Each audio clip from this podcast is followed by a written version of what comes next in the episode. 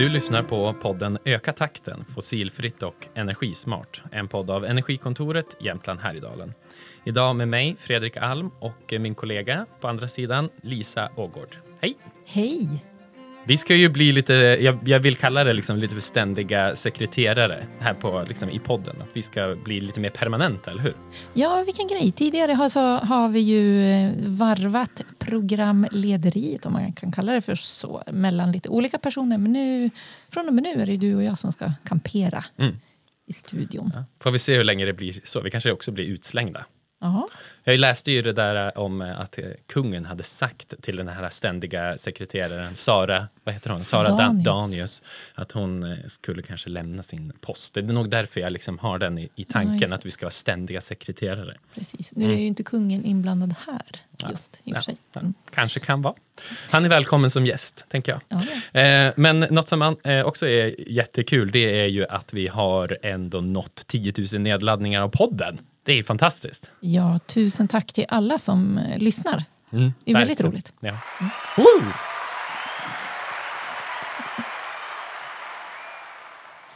Applåder. Toppen.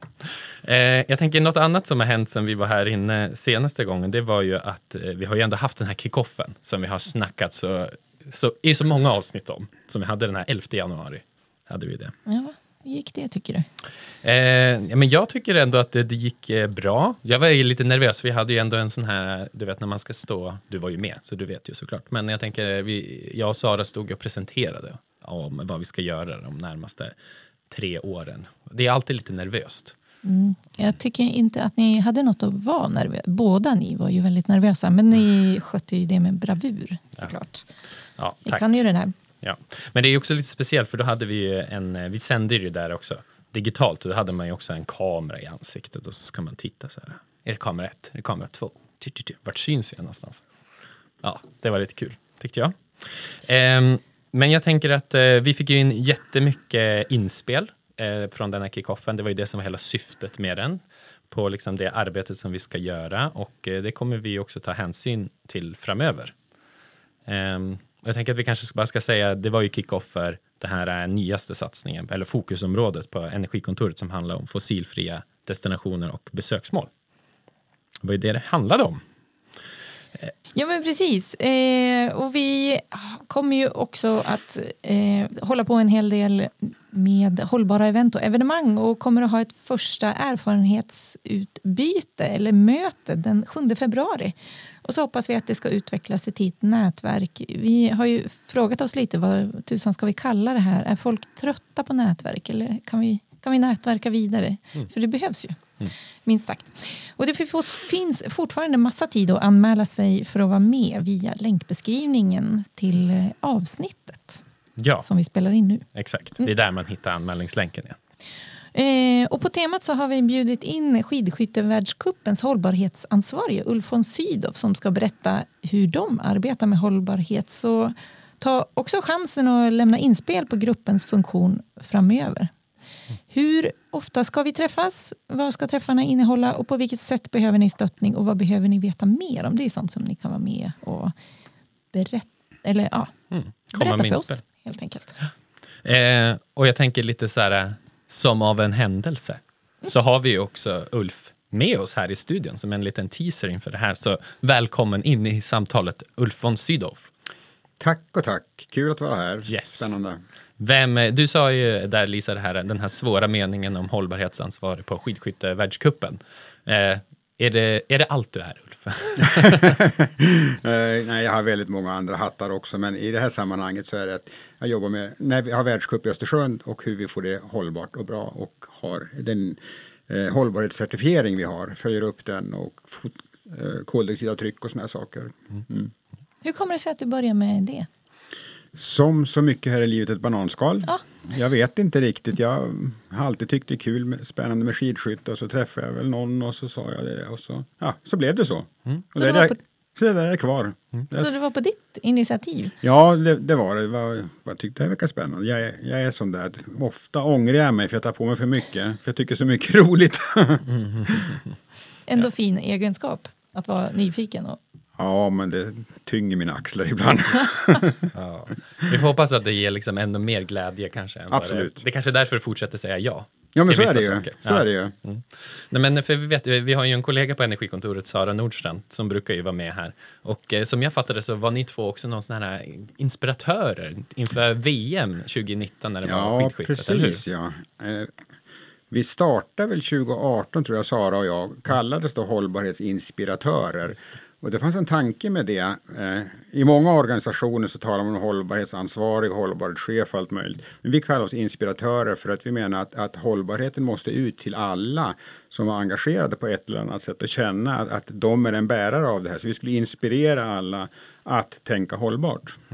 Skulle du säga liksom att eh, skidskyttevärldscupens liksom resa började lite grann där till att bli någonting mer hållbart eller började det innan också? Ja, man kan säga det, det skalade upp i alla fall. Det, har- man hade hållit på några år innan på en lägre nivå. Men det var väl i samband med inför VM när regionen då och länet sa att vi ska bli ett fossilfritt VM, både det alpina och skidskytte.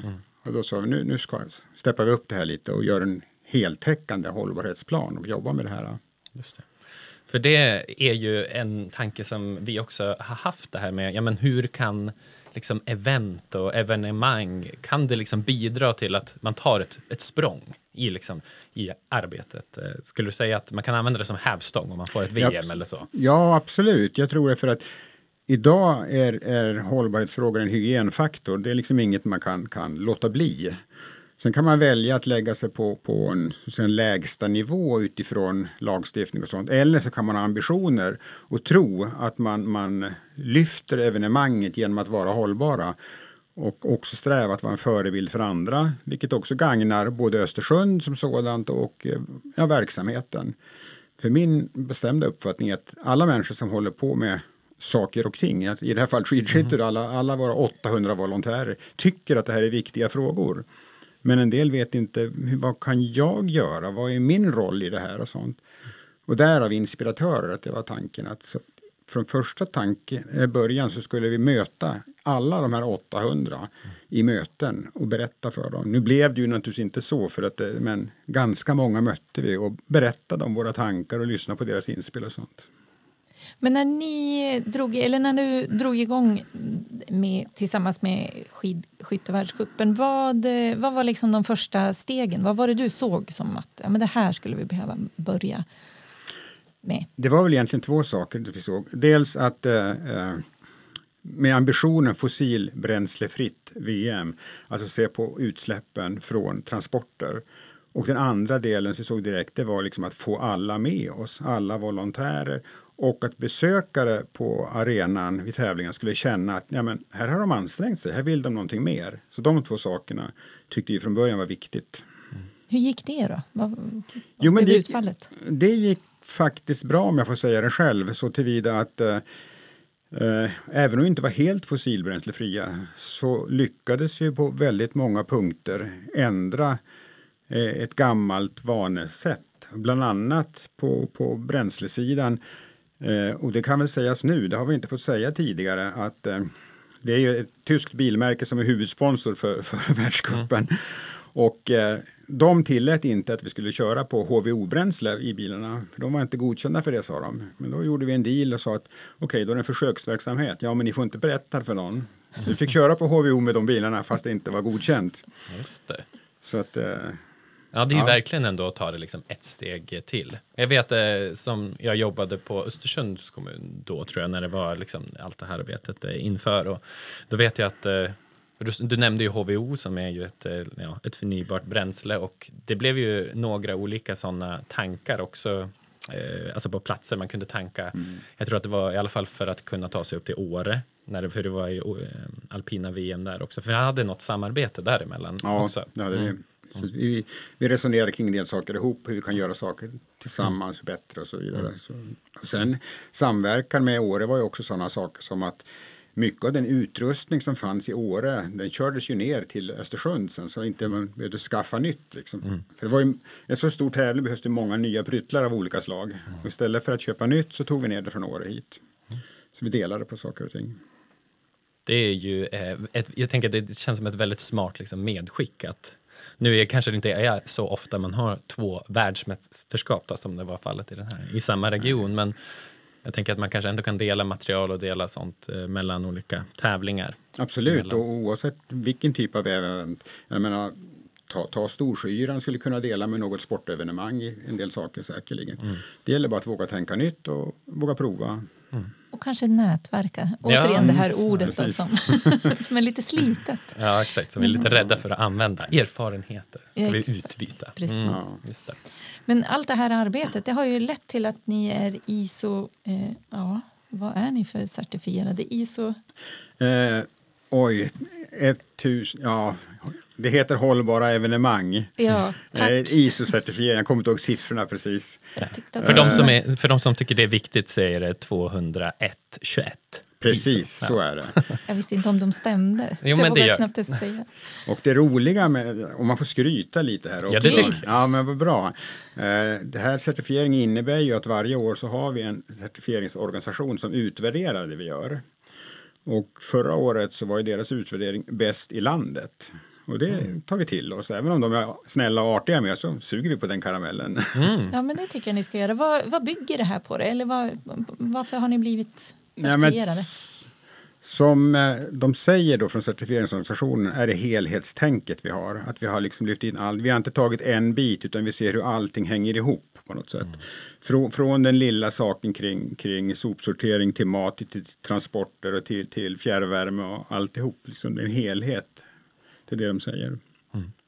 Vad heter det? Du berättade ju lite där att ni började kanske titta på ja, men, resorna, liksom det här att det ska ändå bli fossilfritt. Och då antar jag att det också gäller besökarnas resor till och från arenan då i det här fallet. Ja, Hur, had, vad gjorde ni för åtgärder där, där i början? Ja, det vi gjorde då, vi hade ju ett samarbete med SJ med tåg upp och eh, shuttlebuss från centralen då.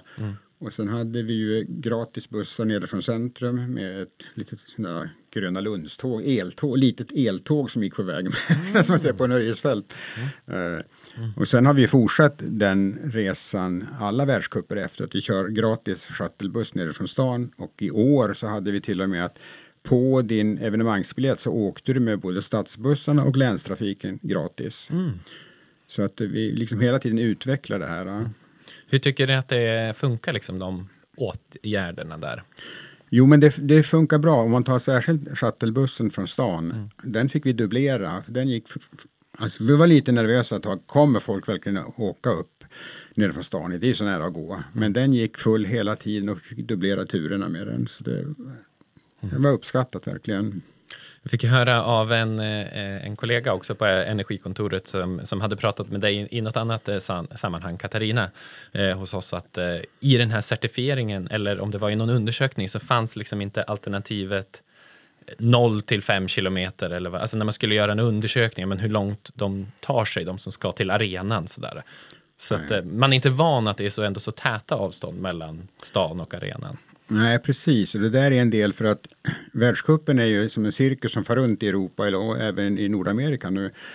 Och eh, den internationella skidskytteförbundet, eller unionen, den mäter eller begär att vi rapporterar in avtrycket varje år till dem. Och då har de ett verktyg för det, digitalt verktyg det vi rapporterar. Och där är det olika avståndsklasser som man skriver hur många procent har åkt liksom, så här många kilometer, hur många har åkt så kilometer. Och då är lägsta avståndsklass i det verktyget 0 till 20 kilometer. Och vi säger att ja, men vi ligger nästan mitt i stan. Så, så vi försöker folk, få folk att inte ta bilen. Men gör de det så kanske de åker 5 kilometer bara. Och vi måste få in det. Så den här diskussionen har vi haft med, med IBU, Internationella förbundet. Att verktyget måste modifieras. Och den där diskussionen är en never-ending story. Vi försöker hela tiden pusha dem. Liksom, eh, att det ska bli bättre. Så att, eh, och då det blir alltid när vi rapporter- rapporterar in så får vi göra lite fotnötter. Att så här har vi räknat, så här tycker vi det ska vara och så vidare. Ja, men du nämnde den här cirkusen som är ambulerande eh, internationellt. Eh, och ert ambitiösa am- arbete nu, då, är det någonting som har smittat av sig på andra orter som också tar emot åkare? Ja, det har det definitivt gjort. För att när vi började med det här, då var det, man kan säga Finland och Norge till viss del, men Finland de var hyfsat framme också. Men nere på kontinenten så var det inte alls man jobbade med den här frågan. Och när vi pratade om HVO så hade man ingen aning vad det var, man förstod inte. Och, och, när vi talade om det som varit en stor sak här uppe, att få hela tv-produktionen att gå på nätström. Det var fullkomligt obegripligt för dem. Den måste gå på dieselgeneratorer för att få trygghet. Mm. Så vi höll på flera år och bråkade med, med EBU, alltså Europeiska TV-unionen, att få sända på nätström. Och det tog ett par år till vi fick det, där vi kunde visa att jämtkraft levererar säkrare än en dieselgenerator. Mm. Så då fick vi tillåtelse till slut.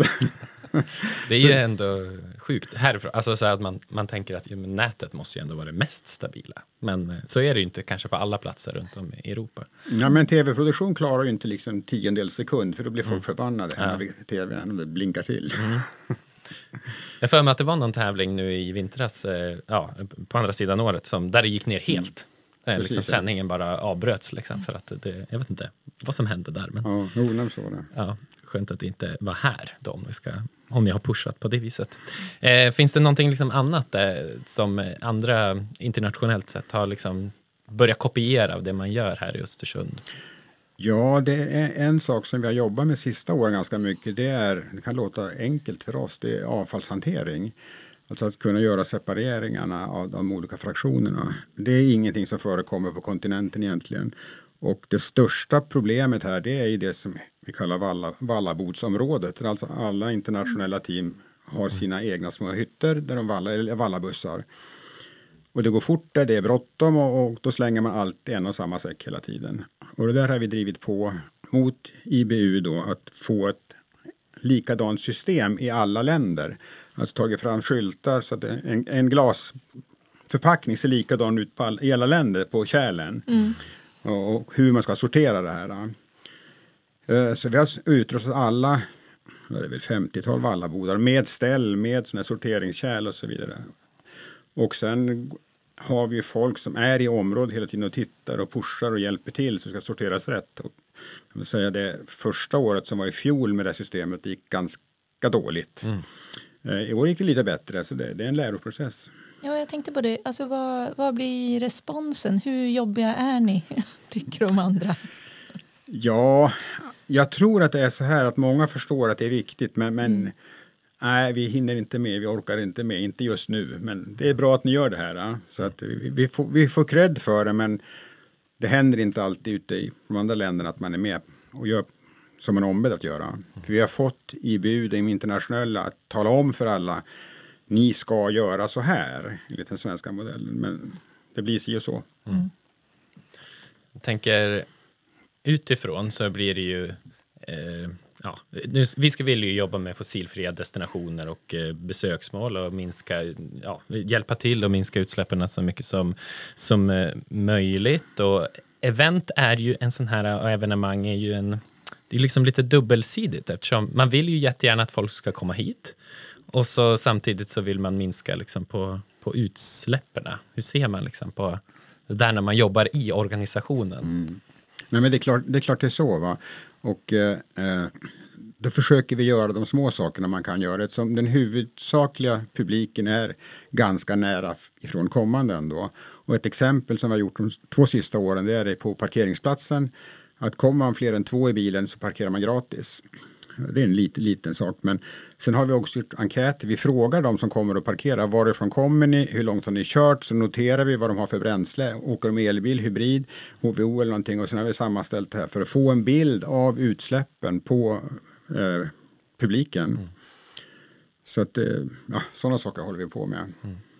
Och det, jag tänker det är lite, lite samma fråga där som du kanske ställde Lisa. Ja, men vad tycker besökarna? Då? Och vad, vad, är, så här, vad är vad är det underliggande motivet? Liksom? Varför tycker man att det här är viktigt att jobba med? Nej, men jag tror att, att uh, gemene man ser det här som en självklarhet om man ska jobba med de här frågorna. Så det är inte ett dugg konstigt. Många tycker nog att det, det är självklart. Det är bra att ni gör det här. Och, mm. sen kan vi se att i, i restaurangområdet mellan tävlingarna så, så är folk måna när de ska slänga sitt avfall efter de har ätit i, i snabbmaten. Där, att var ska jag lägga det här? Så går de och tittar liksom och folk vill göra rätt. Så vi har ju liksom försökt, det ska vara lätt att göra rätt, det är liksom grunden. Så vi försöker göra så att det, det ska inte vara så märkvärdigt. Mm. Hur har ert arbete, har det påverkat åkarna på något vis eller eh, får de agera på något annorlunda vis och hur påverkar det besökarna? Ja, det har påverkat åkarna så tillvida att eh, eh, de tycker att det här är viktigt och vi har haft en tanke att få ha dem lite som ambassadörer. Eh, men eh, med all respekt att de är så inne i sin bubbla under tävlingssäsong så de har inte tid att göra något annat än att tänka på sin, sitt skytte och sitt åkande. Mm. Men de tycker det är viktigt, det, så är det. Eh, så att det som har hänt också är att, att själva skidskytteförbundets tävlingsverksamhet, alltså det här när de åker runt i Europa, de gör också så att de kartlägger hotell de bor på, vad är det för uppvärmningssystem på det hotellet. Eh, de försöker använda transporter som är så, så lite belastande som möjligt. Eh, så att de jobbar med det i tävlingsverksamheten också, men på sidan av vårt system, så att säga, ett eget system. Mm. Och eh, de är också inne nu att de måste, ska redovisa precis sitt avtryck och sätta mål. Sen hur kan vi minska det här och så vidare. Mm. Så vi, vi går parallellt liksom. Ja, just det. Så tanken är planterad? Tanken är planterad, ja det är den. Och, eh, de gillar det här, det har jag förstått när jag har pratat med dem någon gång. Att de tycker det är bra, men vi åker skidor nu, jag hinner inte. det kan man nästan förstå. Mm. Ja. Vi pratar ju lite grann där om åkarna och deras upplevelser. Något som är väldigt eh, aktuellt har ju varit i, i några år, det är ju det här Flårevalla liksom förbudet. Hur, eh, det kanske inte är ni som organisation, eller, som, eller hur jobbar du, jobbar du med det också? Nej, det gör jag inte, för det där är väldigt strikt reglerat från IBU hur det ska göras. Och mm. det där har man pratat om i flera år. Och det var meningen det skulle implementeras förra året, i förra säsongen. Men, men det gjorde man inte för det att det blev fördröjt ett år, det är för att de mätmetoder man har, maskiner som ska mäta eventuellt fluor på skidorna, så, måste vara så otroligt precisa så att man inte fäller någon som sen kan säga nej men det, det var faktiskt inget. De måste visa absolut rätt. Så i förra året så gjorde man liksom en tester men i år körde man i skarpt läge på detta. Mm. Och eh, det har tagits emot väl eftersom det, ja, det är det som gäller. Mm. Och, och, eh, vad de själva säger, åkarna, det är ju det att man märker av det. Vi som amatörer som åker lite på kul har ju svårt att se att, att den där tiondels ska spela roll. Men det är, mm. i vissa fören så är det väldigt stor skillnad påstås det. Och det säger de ju på tv-reportagen också att äh, åktiden blev 1.20 minuter längre än normal bla bla bla och så vidare. Ja, så de blir lite tröttare åkare. Ja. Det kan vi väl säga att liksom, det här fluorförbudet det har ju med vallan att göra ja, på precis, skidorna. Eh, så, när man vallar. För det är ju faktiskt så att man har mätt upp fluorhalter i snön på ställen där man har mycket skidåkning mm. med proffsvallor där det åker mycket tävlingar och sånt. Och det kan man väl säga, det finns ju, det är ju fluor i liksom vallar man kan, i alla fall tidigare som man har köpt i butikerna, så man kan ju kolla på sin lilla burk och se om det är fluor. För det, just nu får man ju inte åka med sån valla i alla fall Nej. i spåren heller, om man är motionär.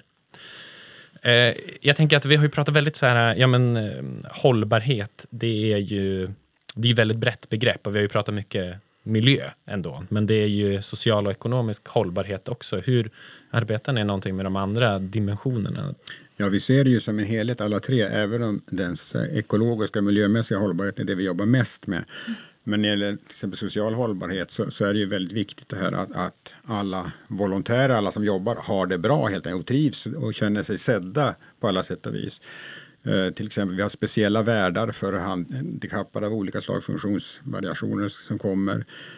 Eh, så vi, vi har väldigt många olika eh, angreppssätt på det här. Men det viktiga för oss det är att alla som jobbar här känner att de är en del av helheten. Det, det finns inget A och B-lag här utan den som står som parkeringsvakt är lika viktig som den som står vid skjutvallen och gör något avgörande. Mm.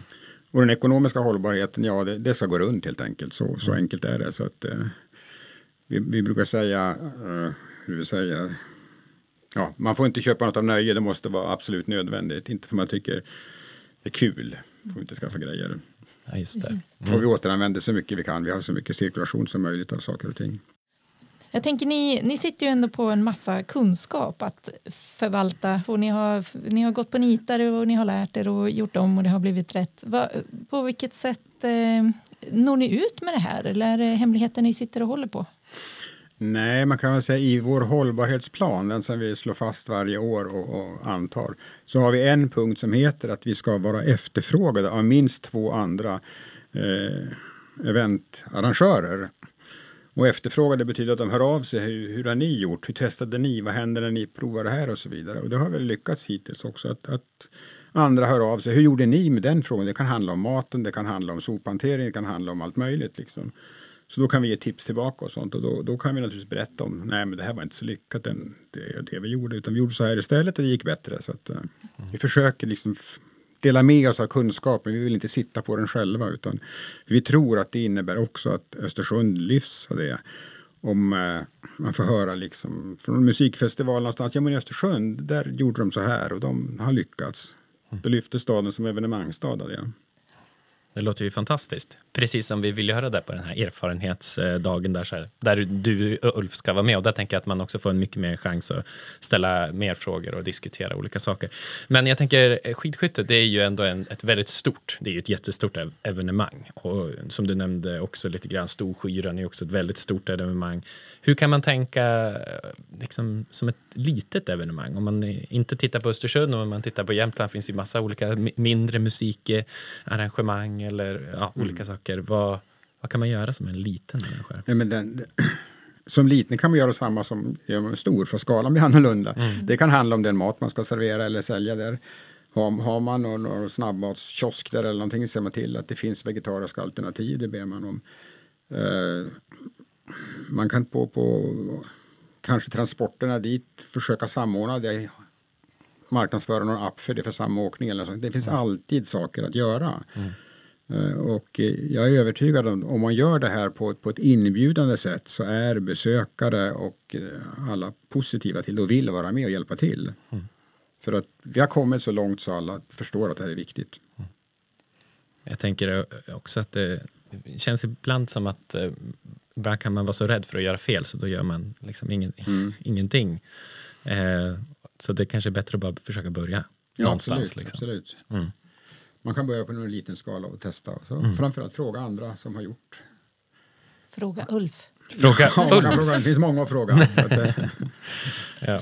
Jag tänker om, om ni blickar framåt, då, vad, har ni, vad är era största utmaningar eller möjligheter framåt kopplat till hållbarhet och skidskyttet? Ja, det är ju fortfarande så att det är transporterna som är det stora. Eh, och det största utsläppet idag, största klimatavtrycket idag, det är faktiskt publiken. Även om de är kortresande i Östersund. Mm. Och näst störst är ju naturligtvis teamen, för de kommer ju ofta flygande in från, från, från Europa. Och vad vi har försökt göra, eller försöker göra här, det är ju den här diskussionen med IBU hur man lägger upp skidskyttecirkusen så att man inte åker från Mellaneuropa till Östersund och tävlar sen tillbaks till Mellaneuropa utan man till, kanske som nu då, Finland före Sverige och sen kanske Norge därefter så att man, man får det att hänga ihop på något sätt. Mm. Uh, att, att, minimera resandet. Och sen i en del sammanhang så har ju vi också när man till exempel om man ska härifrån Östersund till, till, uh, till Oslo då åker alla med ett och samma plan, ett chartrat plan istället för att man åker på olika sätt och vis. Mm. Och det är samma nere från Alperna upp hit, att man chartrar plan som alla åker på samma väg. Just det. Så man försöker verkligen med samåkning. Samåkning. Man försöker ja, och eh, nästa, I, i flygplan. År, nästa år har vi junior-VM här. Ja. Och då, då ska vi se vad vi kan testa, vi kan ta ytterligare steg för då mm. är det ju inte samma, uh, ja man ska inte säga juniorerna, de har definitivt inte samma ekonomiska resurser. Mm. Och då ska vi se om vi kan på något sätt uh, få tåg med i, i den här bilden. Ja. Så vi, vi håller på att fundera kring ja. olika lösningar. Det var faktiskt min nästa fråga. När får vi se skidskyttevärldscupen-cirkusen i ett tåg? Och så mm. liksom står det på en sån här chartrat tåg som står liksom ja. uppifrån och man kommer liksom en drönare uppifrån. Så. Jag ser ja, flaggor och banderoller mm. i vinden. Mm. Exakt, nu kommer de. Nu kommer de. precis. Ja. tåget. Vi hade ju det faktiskt vid VM, men då var det för publik från Stockholm. Mm. Då var det ju tåg, speciella stripade vagnar. Så att, mm. mm. Men visst vore det kul att få alla tävlande att komma där? Då? Ja, mm. verkligen. Jag tänker från, eh, från eh, i alla fall Centraleuropa upp hit så går det ju ändå tåg faktiskt. Ja, precis, ja. Hela vägen kan man ju åka. Ja. Då är det svårare med Norge nästan. ja, exakt. Ja. I alla fall, men om till Trondheim borde du gå och läsa kan man ju tycka. Jag tänker att eh, jag har i alla fall en fråga till som jag skulle vilja ställa och det är, eh, nu har ni, vi har ju pratat mycket om resenärernas resande och lite infrastruktur och, och sådär. Hur, hur mycket känner ni liksom att ni kan påverka andra aktörer just när det gäller så här infrastrukturen som ni själva kanske inte äger? Så här, vi vill att det ska vara utformat på något annat sätt. Du nämnde ju lite grann med busslinjer och sådär, men då är det ni som köper in tänker jag. Ja, mm. så är det. Alltså, man måste ha respekt för att andra aktörer har en ekonomi också att ta hänsyn till. Så att eh, i den här branschen så är det ju mycket sponsorer och man ska ha, är man sponsor ska man känna att man får någonting tillbaka. Så om en, en transportoperatör ska, ska ställa upp med någonting så vill de se att de får en vinst av det. Antingen kan det vara goodwill att de får stripa sitt fordon eller någonting. Så det, det, det är en diskussion som inte jag har, det är andra som har i de bitarna. Mm. Men, men man måste ha respekt för att ekonomin för transportföretagen den, den finns ju med hela tiden. Mm. Men framförallt så är det, det, det viktiga är att, att uh, komma ihåg att uh, det är jättemånga som, som står bakom ett sådant här arrangemang. Det är 800 volontärer. Så jag menar, även om jag står och pratar så är det massor med folk som är bärare av det här och, och är förmedlare. Så att när man kommer som besökare till arenan så finns det folk man möter i olika, som det kan vara i när man köper någon mat eller man köper någon, någon reklampryttel eller någonting, någon glad halsduk eller någonting. Även där möts man ju av skidskyttefolk som representerar. Så vi är många som representerar det här och eh, det är det som är viktigt. Att det, det är inte en eller två, tre personers verk. Det är många bakom. Vad fint ändå. Sista budskap, lyft. Liksom, allihopa. jag tycker det är fantastiskt. Eh, jag tycker att vi ska tacka dig Ulf så otroligt mycket. Och också ni som lyssnar, kom ihåg att anmäla er om ni är intresserade av att höra mer från Ulf och också från där ni tillsammans kan dela erfarenheter. Det var ju, när var det nu då igen då, Lisa? Den 7 februari är det vi har den här erfarenhetsträffen mm. kring hållbara event och evenemang. Om ni har lust att vara med. Ja, okej. Okay. Den är ju digital. Så att eh, det går ju att delta vart man än är. Precis, var med och diskutera. Kom mm. med input eh, och få input. Mm. Men tack så mycket Ulf för att du var med. Mm, tack för att jag fick komma och berätta det här. Det är roligt. Men eh, hörru du, vi är ju fasligt i farten på Energikontoret Jämtland Härjedalen. Ja. Jag tänker att det är något som händer. Vi har ju fått nya lokaler. Ja. Det är ju kaos där just nu ändå. Det kanske börjar ordna upp sig lite grann. Kaos under uppklarande ja, skulle jag ändå säga. Men nya fräscha lokaler på Studentplan 3 mitt i Östersund. Så där kan man ju komma och hälsa på oss nu mm. faktiskt. Eh, sen har vi ju, du jobbar ju jättemycket på en ny hemsida, eller hur? Ja, det gör jag. Mm. Och med lite tur och eh, med lite tur så är vi igång om några veckor. Ja. Och då, det kommer faktiskt bli väldigt mycket bättre än vad det har varit. Ja, så det blir lättare att hitta liksom våra evenemang och Liksom Vad vi lite, gör. Ja, det är fantastiskt. Mycket. Men jag tänker att då kommer vi få ha någon trumvirvel någonstans. så att det, det, märks att den är lanserad. Men man kan ju hålla lite utkik. Ifall man, så. Eh, men sen så tänker jag också att det, det ska ju vara ett um, ett eh, kvällswebbinarium också om det nya energi, eller det nya, det har funnits ett tag, ett energikonverteringsstöd som finns för småhus. Och det gör vi tillsammans med eh, Länsstyrelsen också. Eh, och där, vi har inte datumet riktigt klart än, men där gäller också att hålla, hålla lite Håll utkik. utkik på hemsidan Precis. så kommer det där. Det är ju jättebra eh, tips om nu när det har varit eh, väldigt kallt i vinter. Nu är det jättevarmt just idag, men annars Perfekt. Sen eh. kommer energi och klimatrådgivaren och gästar ABF, eh, Arbetarnas bildningsförbund, på en träff i Kälarna den 13 februari med budget och skuldrådgivare. Mm. Eh. Och det är samma träff också i, i Bräcke kommun den 14 i andra. Eh, där kan man då träffa energi och klimatrådgivarna och också eh, få annan information och mer om det finns också i avsnittsbeskrivningen, vart man anmäler sig och så. Men det var de eh, evenemangen vi hade just nu. Men eh, vi kommer ju fortsätta spela in eh, podd och vi har ju nästa avsnitt också klart. Eller hur Lisa? Ja, det handlar om upphandling av fossilfri entreprenad och det har vi också spelat in ett avsnitt om som handlar om den fossilfria arbetsplatsen på förskolan i Torvalla. Mm. Först i Europa. Först i Europa. Mm. Jag tänker om man har... I EU. I EU. Vi ska vara mycket noggranna med detta, för i Norge har de ju kommit ganska långt på det här området. Ja, men, mm, men, vi gillar att säga att vi är först i EU. Så är det. Eh, ja, men har man frågor eller funderingar till oss på Energikontoret, också inspel på poddavsnitt, Eh, eller så om man vill vara med som gäst eller ha andra frågor eller funderingar så når man ju oss på energikontoret regionjh.se. Ja, och det här avsnittet har finansierats av EUs regionalfond och Region Jämtland Härjedalen. Det var väl allt. Ja, nu ska vi ut och halka oss till kontoret. Det blir bra. Hej då! Hej då.